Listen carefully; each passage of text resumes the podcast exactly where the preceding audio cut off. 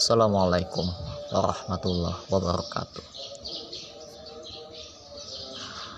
Alhamdulillahirabbil alamin. Alhamdulillahillazi anzala ala abdihil kitaba walam yaj'al lahu iwaja. Segala puji bagi Allah Subhanahu wa taala yang telah menguatkan kita dengan nikmat iman Islam sehingga alhamdulillah dengan izin Allah Subhanahu wa taala kita dimampukan untuk bisa menjalankan sholat subuh berjamaah pada hari ini. Baik yang berada di Masjid Ali Kelas maupun berada di masjid-masjid lain. Alhamdulillah Allah pertemukan kita kembali dalam taklim subuh rutin. Dan juga baik yang langsung mendengarkan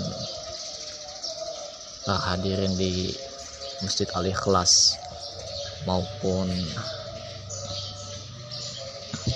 yang melalui podcast ini ya. Podcast kajian Riyadus Solihin Insya Allah semoga kita semua senantiasa istiqomah mengerjakan perintah Allah dan menjauhi larangannya. Dan semoga orang yang belum diberi hidayah baik dari kalangan keluarga kita saudara kita sahabat-sahabat kita tetangga-tetangga kita atau mungkin orang-orang yang belum kita kenal kita doakan semoga Allah berikan hidayah kepada mereka agar kembali ke jalan yang diridhoi oleh Allah Subhanahu wa taala. Amin ya rabbal alamin. Dan jangan lupa mari kita ucapkan salawat dan salam kepada junjungan Nabi besar kita yakni Nabi Muhammad sallallahu alaihi wasallam beserta para keluarganya, para sahabatnya, dan orang-orang yang senantiasa berjalan istiqomah di bawah naungan sunnah Nabi Muhammad SAW hingga akhir hayatnya. Allahumma sholli ala Sayyidina Muhammad wa ala ali Sayyidina Muhammad. Hadirin Allah muliakan kita masih bersama Al Imam An Nawawi rahimahumullah untuk kesekian kalinya melalui karya beliau kitab beliau yang begitu luar biasa yakni kitab Riyadhus Solihin yang tersusun dari banyak bab. Yang kalau dikumpulkan jadi satu akan memuat banyak bab. Kurang lebih insya Allah ada sekitar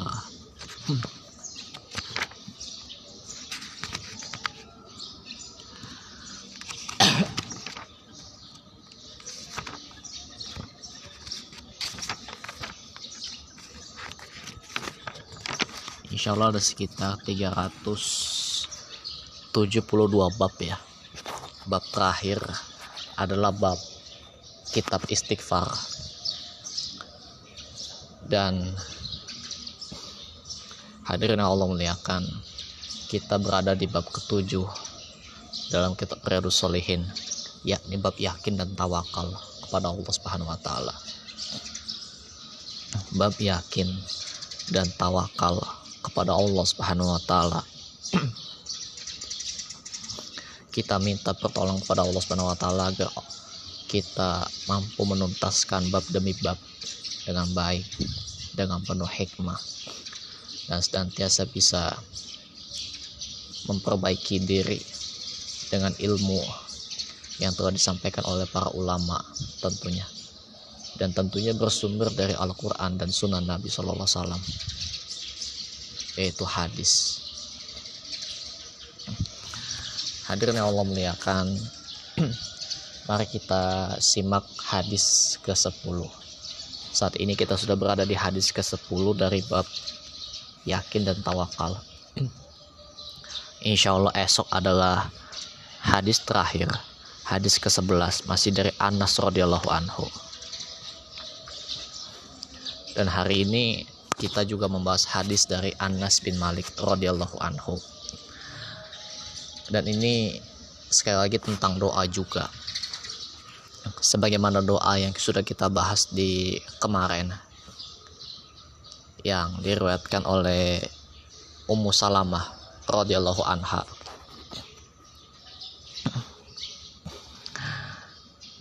Dan hari ini insya Allah doa di hadis hari ini lebih familiar, lebih simple, dan insya Allah mungkin lebih mudah untuk dihafal ketimbang yang kemarin ya. Dan ini penting.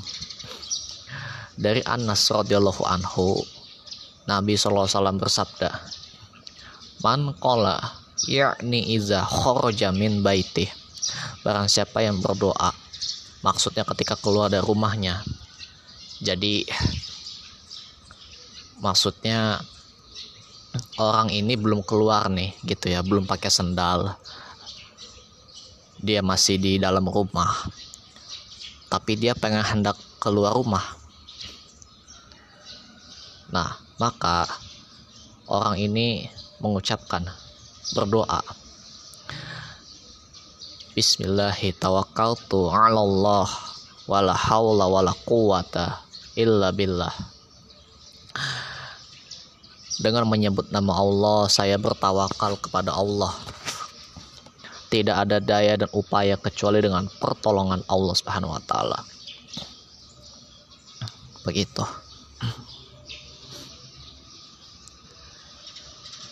Jadi disebutkan oleh Anas radhiyallahu anhu.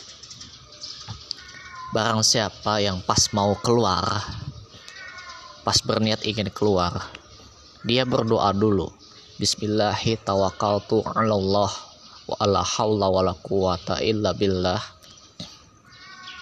Nah maka ada lanjutan hadisnya yaitu yuqalullahu maka dikatakan kepadanya hudita wa kufita wa wuqita wa wa tanaha anhu syaitan kamu telah diberi petunjuk dicukupkan dan dilindungi. Dan setan pun menjauh darinya. Setan pun menjauh darinya. Jadi ketika kita ketika pas mau keluar rumah kita belum keluar tapi ya masih di rumah hendak berniat keluar hendaknya dari diri kita membaca doa Bismillahirrahmanirrahim. Maka insya Allah Allah akan memberi kecukup Allah akan memberikan petunjuk kepada kita. Dicukupkan dan dilindungi. Dan setan pun menjauh darinya. Begitu. Hmm. hadis ini diriwayatkan oleh Abu Dawud At-Tirmizi An-Nasai dan lain-lain. Berarti ini sudah disepakati oleh Imam imam yang empat dalam masalah hadis ya. Imam hadis. Empat imam hadis. Nah At-Tirmizi mengatakan hadis ini hasan. Lalu Abu Daud menambahkan menambahkan dalil hadis lain ya. Dalil tambahan. Bukan dalil tambahan ya maksudnya ada yang menguatkan ya. Abu Daud menambahkan seperti ini. Fayaqulu ya'ni syaitona. Li syaitoni akhara.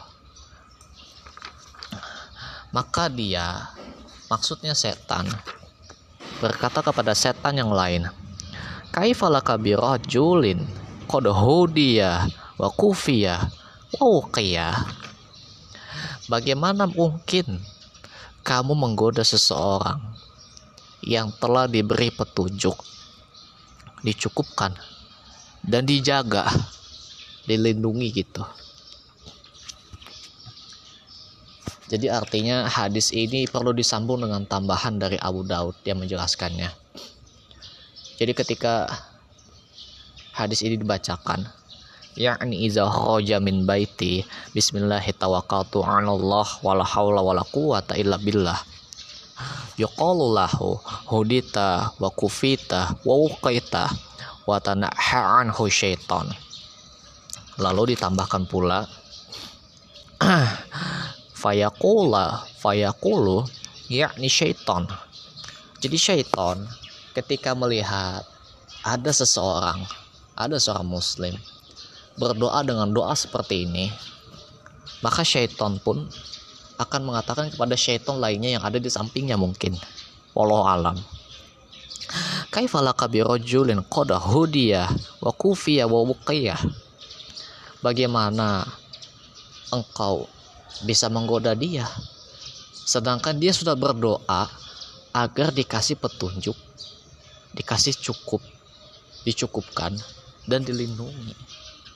Gitu. Jadi artinya ketika setan lain mau menggoda setan yang pengen menggoda duluan ini pesimis ngasih tahu ke setan yang lain kamu nggak bakal bisa nyesatin orang ini. Orang ini kan habis baca doa sama Allah.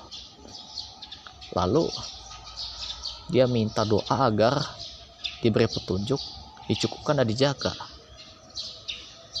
gitu. Allah akan kasih dia petunjuk dicukupkan dan dijaga. Bagaimana mungkin kita mau menyesatkan mereka? Begitu. Kurang lebih ya bahasanya seperti itu ya. Ini pakai bahasa keseharian kita.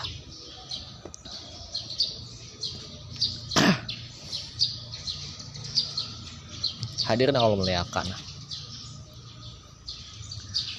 Ini sebagian al ustad menyebut ini sebagai sebuah zikir. Walaupun doa itu adalah zikir itu sendiri sebetulnya. Doa sendiri pun merupakan zikir juga.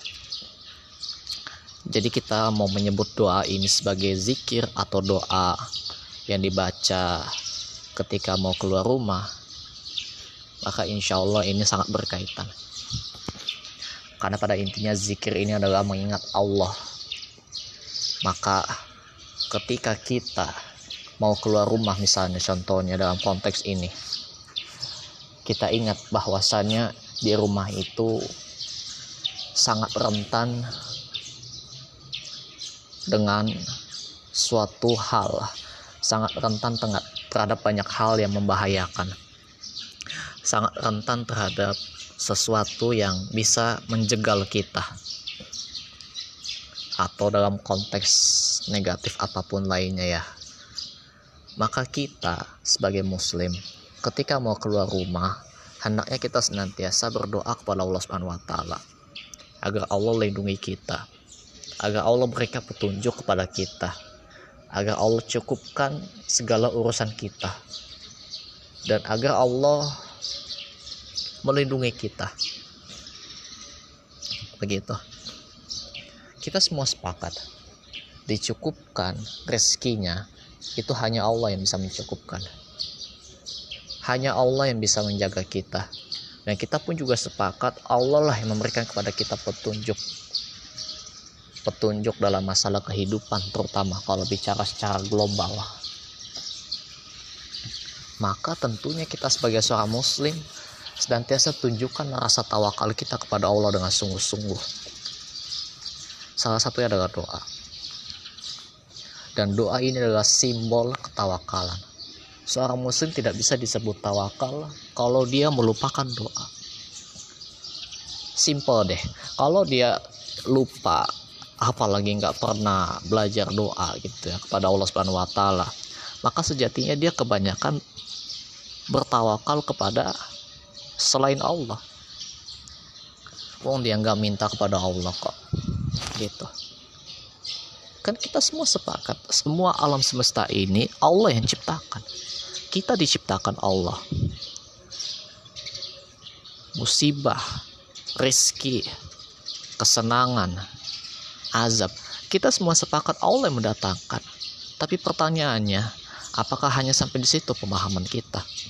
Kalau kita memang benar-benar memahami tentunya kita akan paham kenapa kita dianjurkan berdoa apalagi masya Allah doa yang kita baca tadi itu insya Allah lebih simpel lebih mudah. Dan sebagian ustadz atau para ulama bahkan mungkin juga menganggap ini adalah sebuah zikir. Karena isinya adalah Bismillahi tawakkaltu Allah nah di situ sudah ada zikir Bismillah tawakal kepada Allah. Dan kita bukan kita ya mungkin ada sebagian kita yang sudah belajar bersama ustadz lain tentang ilmu bahasa Arab dari Bismillah. Kalimat Bismillah baknya itu adalah ba isti'anah. Bab banyak itu artinya meminta pertolongan dan keberkahan. Hmm. jadi artinya ketika kita baca bismillah tanamkan ke hati kita bahwasanya saya ingin minta pertolongan kepada Allah agar Allah kasih saya pertolongan dan keberkahan begitu ya Allah saya minta tolong kepada Allah agar engkau menolong saya dalam urusan saya dan engkau memberikan kepada saya keberkahan ketika menjalani urusan saya. Itu kalimat bismillah. Belum kita bedah kalimat tawakal tu Allah. Tawak hamba bertawakal kepada Allah Subhanahu wa taala. Jadi kalau kita meresapi sampai sini saja, kita belajar meresapi dalam hati ya, karena doa itu bukan hanya lisan sekali lagi, sebagaimana zikir pada umumnya. Duh, tentu doa. Doa ini kan kita sepakat adalah senjatanya orang beriman. Pertanyaannya apakah orang beriman itu hanya menggunakan lisannya tapi tidak dengan hatinya ketika berdoa? Tentu tidak tentu orang beriman insya Allah apabila kita berdoa di samping lisan mengucapkan doa tersebut hati meresapi Bismillahirrahmanirrahim. Ya Allah, saya hamba meminta pertolongan kepadamu agar engkau kasih hamba pertolongan dan keberkahan. Dengan menyebut namamu hamba bertawakal kepada engkau. Rumit ya ya memang itulah penghayatan dalam hati. Makanya ini perlu untuk dihafal perlu untuk direnungkan. Makanya doa tuh jangan sambilan jangan selewengan jangan sekadar doa jangan sekadar lisan jangan sekadar cepat menggerakkan mulut. Pelan-pelan aja doanya. Ketika kita sudah mengucap doa secara lisan pelan-pelan diresapi diresapi kalimatnya seperti apa isinya kenapa saya minta kepada engkau begitu karena kalau kita berdoa hanya dengan lisan, sejatinya kita disebut belum mengerti tentang apa yang kita minta kepada Allah. Dan bagaimana Allah memekabulkan doa kita kalau kita sendiri tidak mengerti terhadap apa yang kita minta. Anak kecil saja kalau minta uang, mama minta uang, minta uang 100 ribu. Sementara orang tua itu kan bertanya, buat apa nak? Anak itu kan masih lima tahun, apa-apa udah minta uang 100 ribu. Kira-kira mau dikasih nggak uang satu ribu? Ya enggak lah. Kita simpel aja bilangnya sebagai orang tua. Dia kan nggak ngerti uang 100 itu dipakai buat apa. Takutnya dimain-mainin disobek digigitin diludahin gitu ya dibasah-basahin terus dikucek-kucek. Ya rusak lah uangnya nggak kepake. Gitu kan kita sebagai orang tua ngerti tuh kenapa anak itu nggak dikasih uang 100 ribu. Walaupun anak itu ngucap tuh mama mah satu ribu satu ribu gitu ya. Misalnya kalau yang tiap hari yang diliatin sama anak itu duit duit duit duit aja gitu tuh sampai ngerti uang seratus ribu. Tapi coba kita ngerti nggak dengan peribahasa demikian?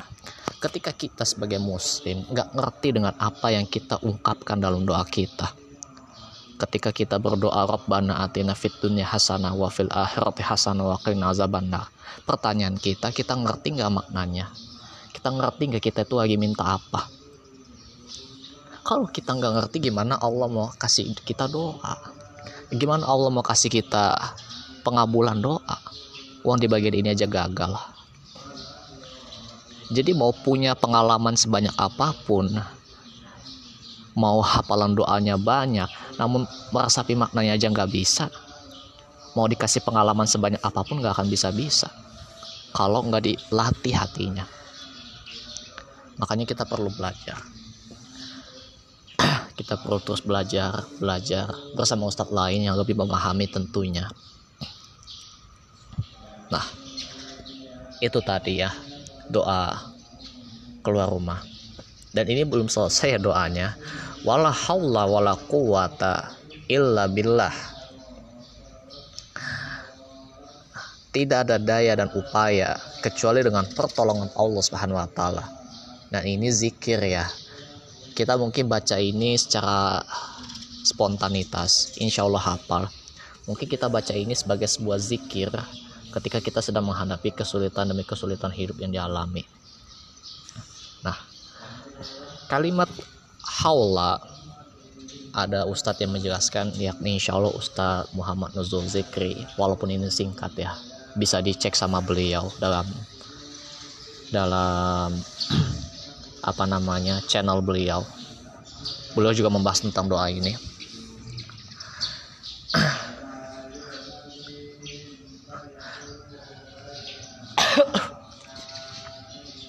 wala haula wala quwata illa billah.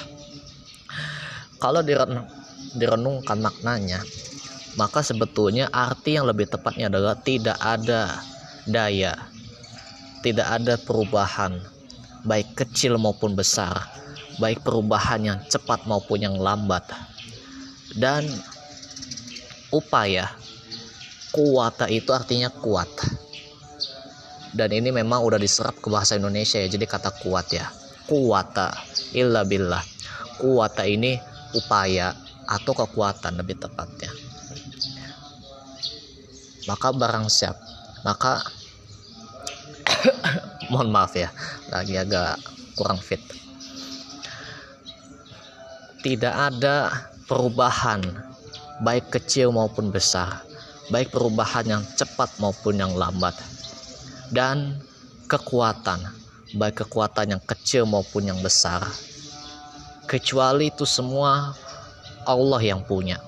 Kecuali itu semua bisa didapatkan karena Allah yang memberikan kepada kita pertolongan tersebut. Tidak ada perubahan, tidak ada daya dan upaya kekuatan kecuali dengan pertolongan Allah Subhanahu wa taala. Allah yang kasih kita pertolongan berupa perubahan daya kita dan upaya kita atau kekuatan kita, usaha kita sebagaimana. Itu hanya Allah Subhanahu wa taala yang kasih kita pertolongan. Nah, maka kita lanjut hadisnya yuqalulahu.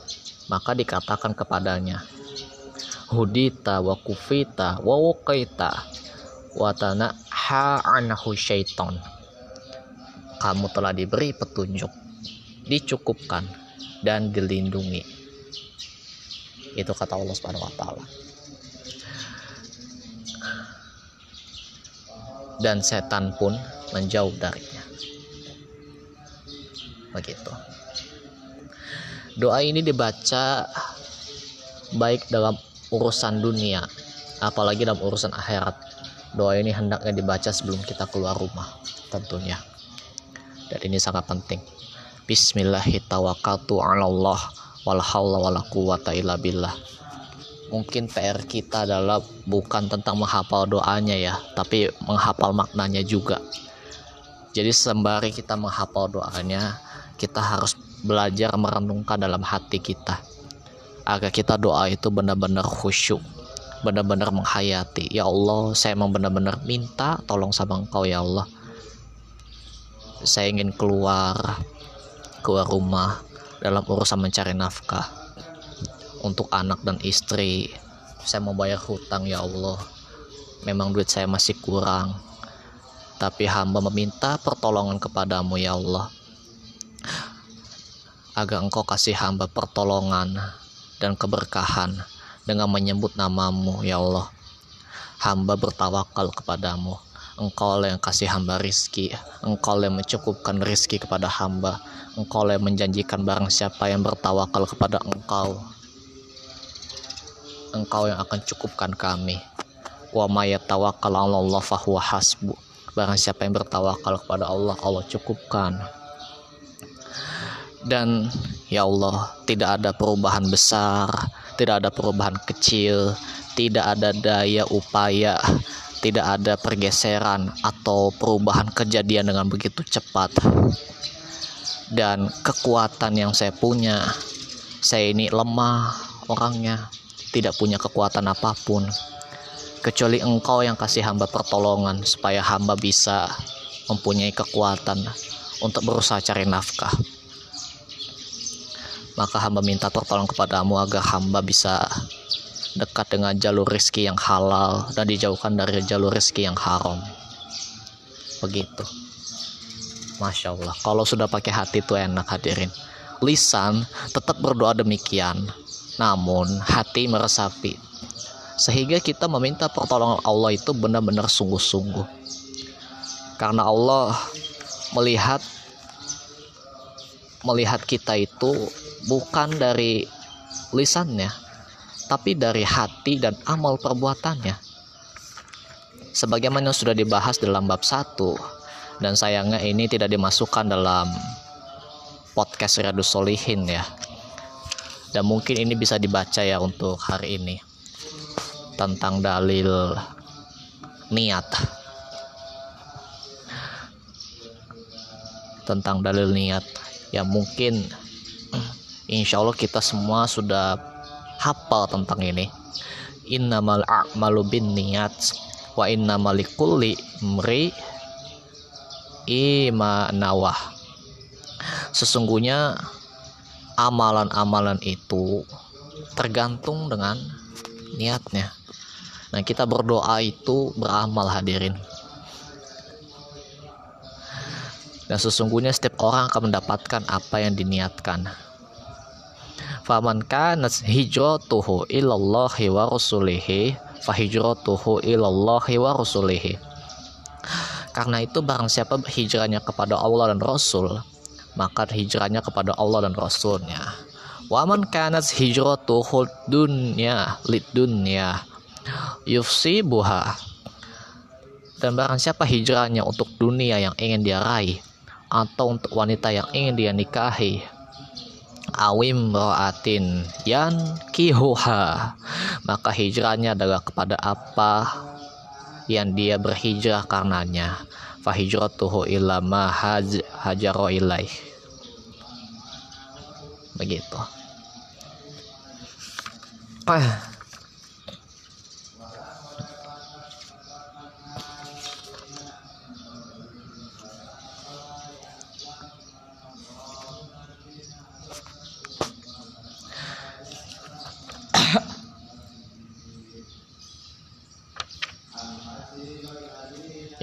mungkin itu untuk bisa diamalkan ya kita niatkan belajar menghafal ini menghafal doa seperti ini agar Allah senantiasa memberikan kepada kita keberkahan dan pertolongan Allah Subhanahu wa taala terhadap apa yang ingin kita pinta dari doa tersebut. Nah, kita belum masuk ke penjelasan Al Ustadz Muhammad Abdul Tuasikal ya itu tadi yang saya sampaikan mungkin adalah PR untuk kita semua. Untuk belajar berdoa dengan meresapi maknanya. Dan ini penting. Simple saja. Kalau kita mau dikabul doanya pertanyaannya itu. Sudah ke hati kita meresapi maknanya? Karena Allah tidak akan mengabulkan doa kita dari hati yang lalai.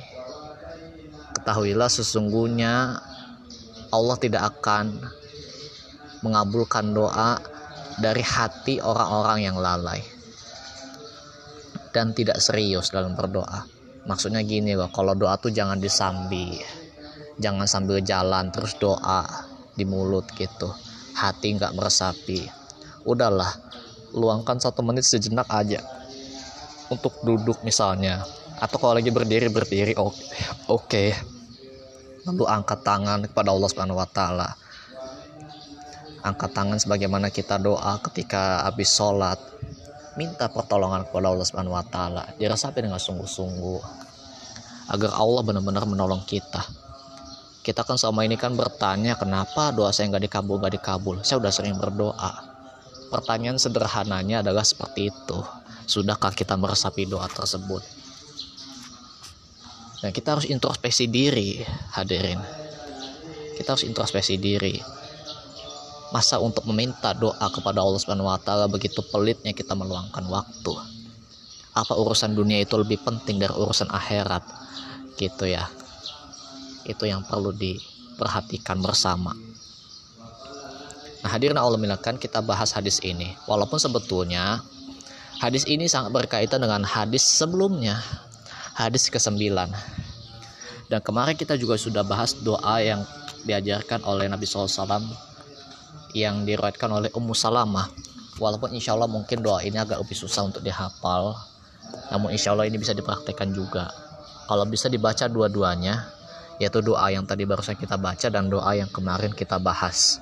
Bismillahirrahmanirrahim. Allahumma ini a'udzubika an udillah au udol au uzil au azillah au uzol au azlima au uzlam au ajhala au yujhala alaih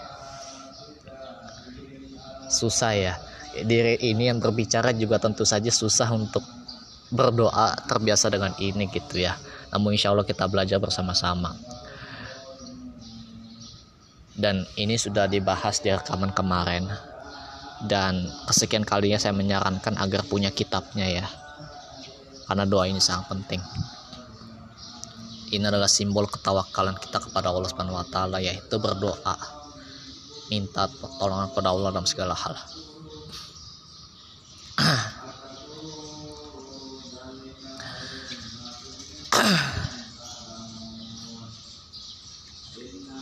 Hadirin awal melihatkan kita akan jelaskan keutamaan zikir ini, keutamaan doa ini.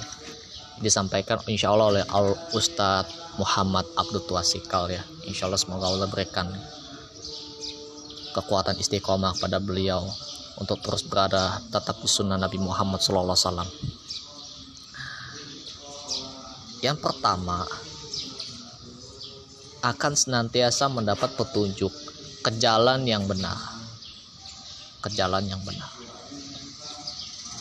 Allah akan senantiasa memberi petunjuk disebabkan seseorang meminta pertolongan kepada Allah melalui doa yang kita baca tadi. Dan begitu pun doa yang kemarin dibahas ya. Insya Allah belajar pelan-pelan aja. Barang siapa yang diberi petunjuk oleh Allah tidak mungkin ada yang dapat menyesatkannya. Tidak mungkin ada yang dapat menyesatkannya. Insya Allah ta'ala. Yang kedua akan diberi kecukupan dalam setiap hajat yang ingin dilakukan. Baik dalam perkara dunia apalagi masalah akhirat. Nah tentunya ini sudah dijelaskan berulang-ulang sekali ya. Kita semua sudah sudah hafal dengan kalimat doa itu adalah senjata orang beriman. Tapi masalahnya kita sendiri mengaku beriman. Tapi bisa nggak kita memakai senjata itu dengan baik? Kita pegang pistol tapi kita nggak tahu cara ngisi pelurunya kayak gimana pas habis tapi kita mau ditembak musuh. Tapi kita nggak ngerti cara masukin pelurunya ke pistol lagi biar bisa keisi dipakai. Ya habis lah kita. Kita sama aja ngerti makainya doang. Tapi ngerti ngisinya itu nggak bisa. Dan begitupun kita berdoa. Kita berdoa itu juga ada proses hadirin. Tidak bisa satu kali berdoa langsung dikabul walaupun memang faktanya bisa bisa saja insya Allah namun kan kebanyakan perlu proses. Ya Allah saya ingin minta rumah. Pertanyaannya apakah jatuh turun dari langit di detik itu juga? Ya tentu tidak. Kita setelah berdoa usaha dulu kan. Kita kan sudah jelaskan dalam kaidah tawakal. Salah satu rukun tawakal dari dua rukun itu kan adalah berusaha dulu. Usaha dulu dengan maksimal namun yang udah saya bilang masih maksimalnya itu bukan melampaui batas ya. Lalu setelah itu beres gak beres urusannya itu serahkan kepada Allah Subhanahu wa taala. Jangan terobsesi pengen cepat beres dalam waktu singkat. Jangan itu penyakit istipto ingin sukses belum waktunya. Allah yang kasih kesuksesan, kebahagiaan, dan ukurannya buat kita, bukan kita yang ngatur. Sehingga kita malah serempangan berusaha melewati batas waktu, meninggalkan istri dan anak hanya karena dalil masalah cari nafkah. Cari nafkah juga ada waktunya hadirin. Badan kita juga punya keterbatasan. Ada hal yang harus ditunaikan, yaitu hak fisik kita. Belum lagi kalau bicaranya berkeluarga, ada haknya istri, ada haknya anak yang harus ditunaikan. Istri harus didengerin curhatannya malam-malam, anak diajak main atau enggak ngaji malamnya. Kalau kita nggak ngelakuin itu sama aja kita melalaikan kewajiban yang lebih penting dari cari nafkah. Karena cari nafkah itu hanyalah perintah ketika kita sudah berkeluarga. Sebagai seorang suami misalnya.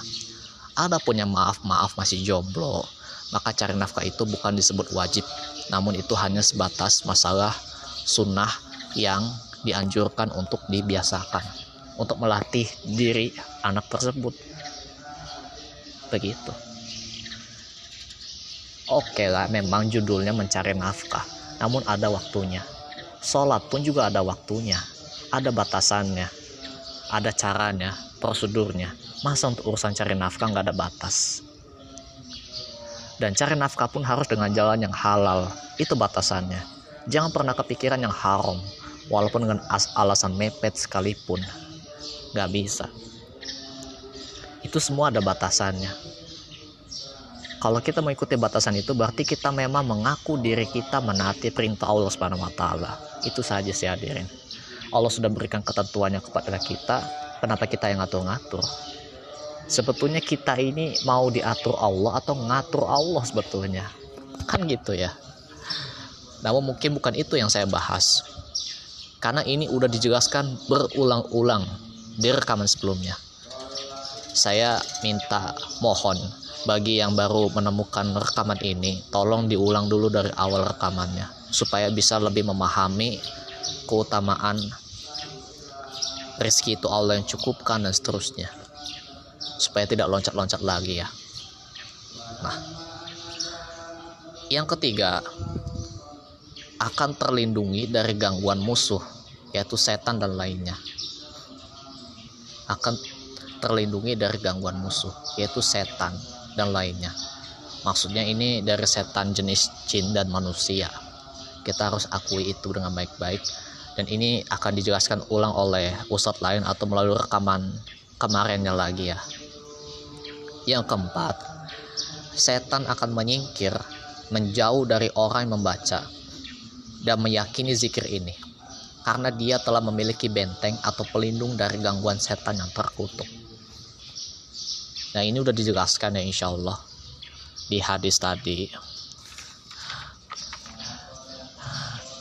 Liya syaitu akhor kaifalaka birojulin qad hudiya wa kufiya wuqiyah.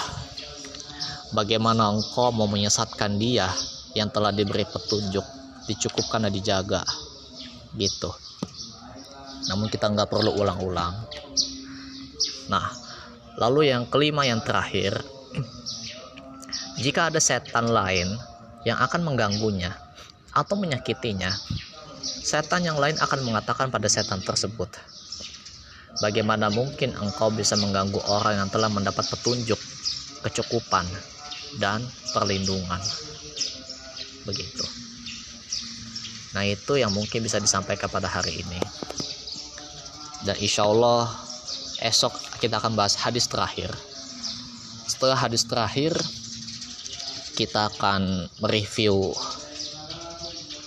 ilmu kita yang mungkin hilang-hilangan di bab tawah yakin dan tawakal ini.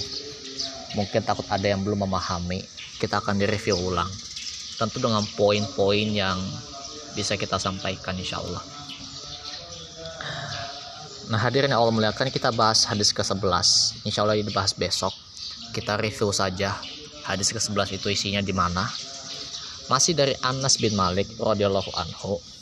Beliau berkata, "Kan akhawah ni ala ahdin Nabi sallallahu alaihi wasallam wa kana ahaduhuma yatin Nabiullah sallallahu alaihi wasallam wal akharu yahtarif ada dua orang bersaudara di masa Nabi Sallallahu Alaihi Wasallam. Salah satunya mendatangi Nabi Muhammad Sallallahu Alaihi Wasallam. Sedangkan yang satunya lagi bekerja. Maka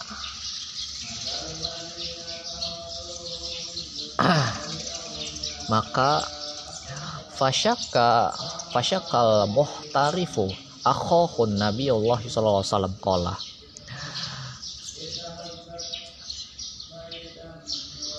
la'allaka tur zakubih jadi saya ulang lagi ya ada dua orang bersaudara di masa Nabi SAW.